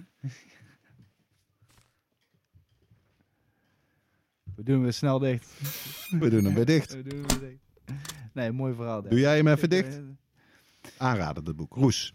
Samengesteld door Hafid Bouatsa. Ik zeg tijd voor reacties van luisteraars. En deze keer hebben we, eh, gaan we eigenlijk door op een eh, reactie van een aantal weken geleden. Eh, daar heeft hij eh, op een gegeven moment ook al iets over gevraagd. En Uit nu- België, toch? Eh, het komt uit, de v- van Fabrice uit eh, België. En hij kwam met een vraag wat ik denk, nou wij, wij zijn daar wel de geschikte mensen voor. Om dat in ieder geval te verwoorden. Wie weet eh, kunnen we hem daarmee helpen. eh, enzovoort. Wat Ik- schreef hij? Ik zal hem even oplezen. Dag Dirk en Rens. Ik had, jullie, ik had jullie dus al eens gemaild voor eventuele ex-leden van Tractuplant uit te nodigen of andere cannabisactivisten uit België moesten jullie deze kennen. Het is in België echt nodig om het cannabisdebat zo snel mogelijk op gang te trekken richting de verkiezingen van 2024. Geen enkele partij heeft dit als hoofdthema en dit is een gemiste kans.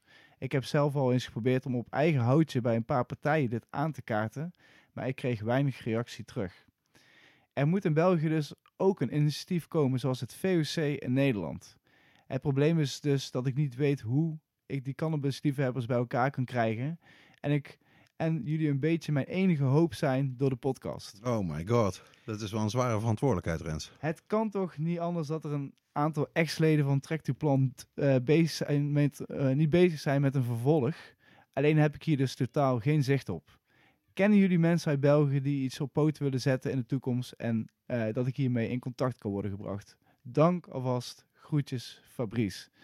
En ik denk, dit is wel gewoon een heel interessant onderwerp om even dieper over in te gaan. Want het is Sowieso. inderdaad... eh, ik ben zelf ook in de cannabiswereldje eh, eh, betrokken geraakt door het VOC. Dat heeft me enorm geholpen om contacten te maken. Je kon zelf ook in ieder geval een handje helpen om, om iets bij te dragen voor een vorm van legalisering op bepaalde manieren. Dus ik denk misschien inderdaad dat, dat, dat, dat misschien kun je eens uitleggen hoe jij misschien toen bij die VOC, hoe je dat bij elkaar hebt gekregen. Ja. Misschien dat al.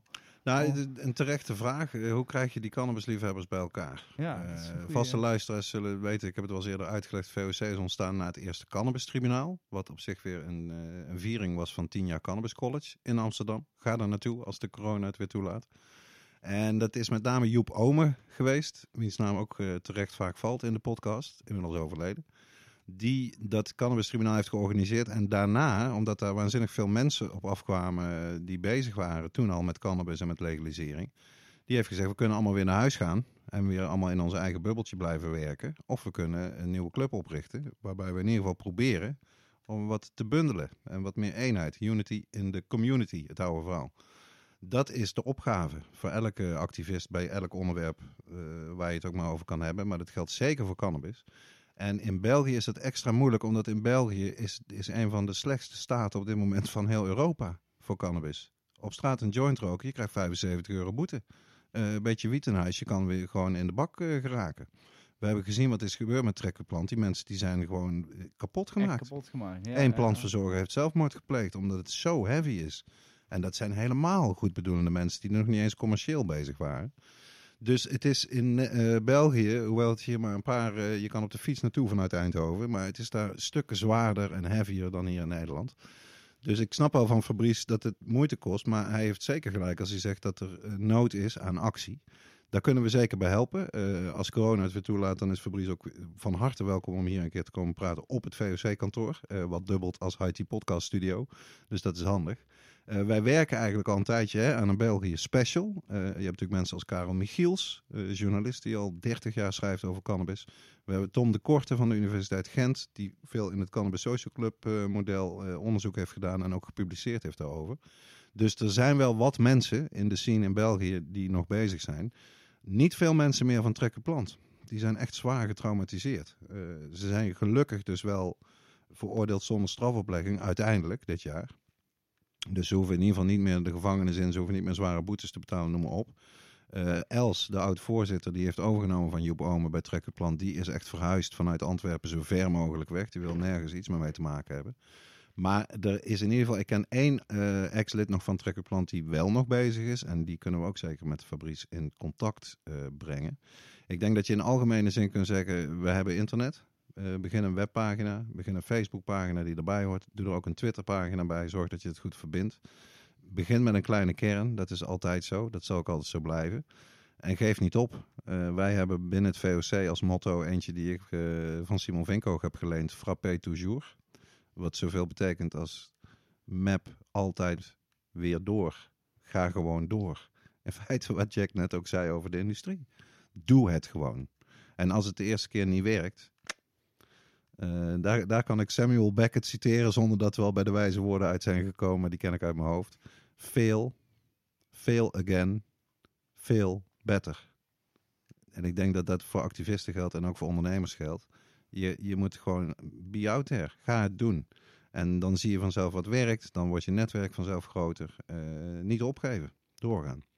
Dus Fabrice, dank voor je reactie. Eh, je bent van harte welkom hier in Eindhoven. Ja, laten we, We- gewoon eens eh, kijken wat we echt eh, voor hem kunnen doen. ja, we werken aan een België special. Want er gebeuren daar toch van allerlei dingen. Jij hebt inderdaad ook nodige contacten met mensen die ook mooie producten maken natuurlijk in, in, in België. Er zijn genoeg liefhebbers in ieder geval. Daar ligt het niet aan. Nee. Dus ehm, Maar ik denk inderdaad de angst om zo hard aangepakt te Ja. worden, dat ze daarom niet, niet durven. Ja, dat is wel echt maar dat is te doorbreken en dat is, eh, internet kan daarbij helpen. Hè? Eh, Start een forum. Ja, precies. weet ik veel. Maar eh, ja, laten we dat afspreken. Ik zeg eh, door naar onze laatste kat of, rubriekje. Dirk, schraapje, stembanden. De wijze woorden.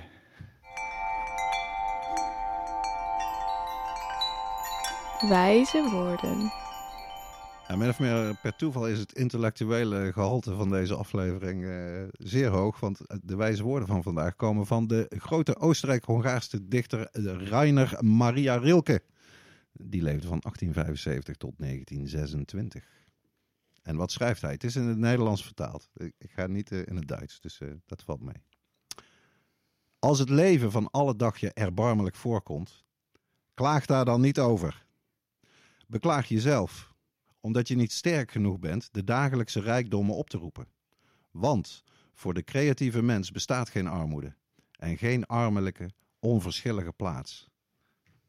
Ik vind het eh, zeker ook in de coronatijd, als je in, in- hier in Nederland woont, hè, eh, kan je die woorden ter harte nemen. Klaag niet, want het ligt aan je eigen perceptie, toch? Mees. Mees. Ik bedoel, eh, gewoon doorzetten. Yep. Ik, eh, Daar had Rielke een punt. Duidelijk, ja. Wijze woorden. Mooie woorden en eh, ook mooi om mee te eindigen. Ik, eh, ik wil zeer, eh, Jack, Jack zeer, zeer bedanken voor het komen naar de studio en voor zijn mooie verhaal te vertellen. En ik hoop dat hij ook veel mensen inspireert om hetzelfde te doen. Just do it. Ik wil eh Super Seed Club ook weer bedanken voor deze mooie, voor de sponsoring van deze aflevering. Ik wil mijn man langs me, onze favoriete producer. Eh, Slash regisseur, eh, slash technicus, ja, slash onze, whisket. onze eh, duizendpoot Simon. Niet blower. Ik wil mijn co-host Dirk bedanken. Rens, jij ook weer Voor van deze- harte voor bedankt, deze jongen. gezellige uitzending. En ik wil alle luisteraars weer bedanken.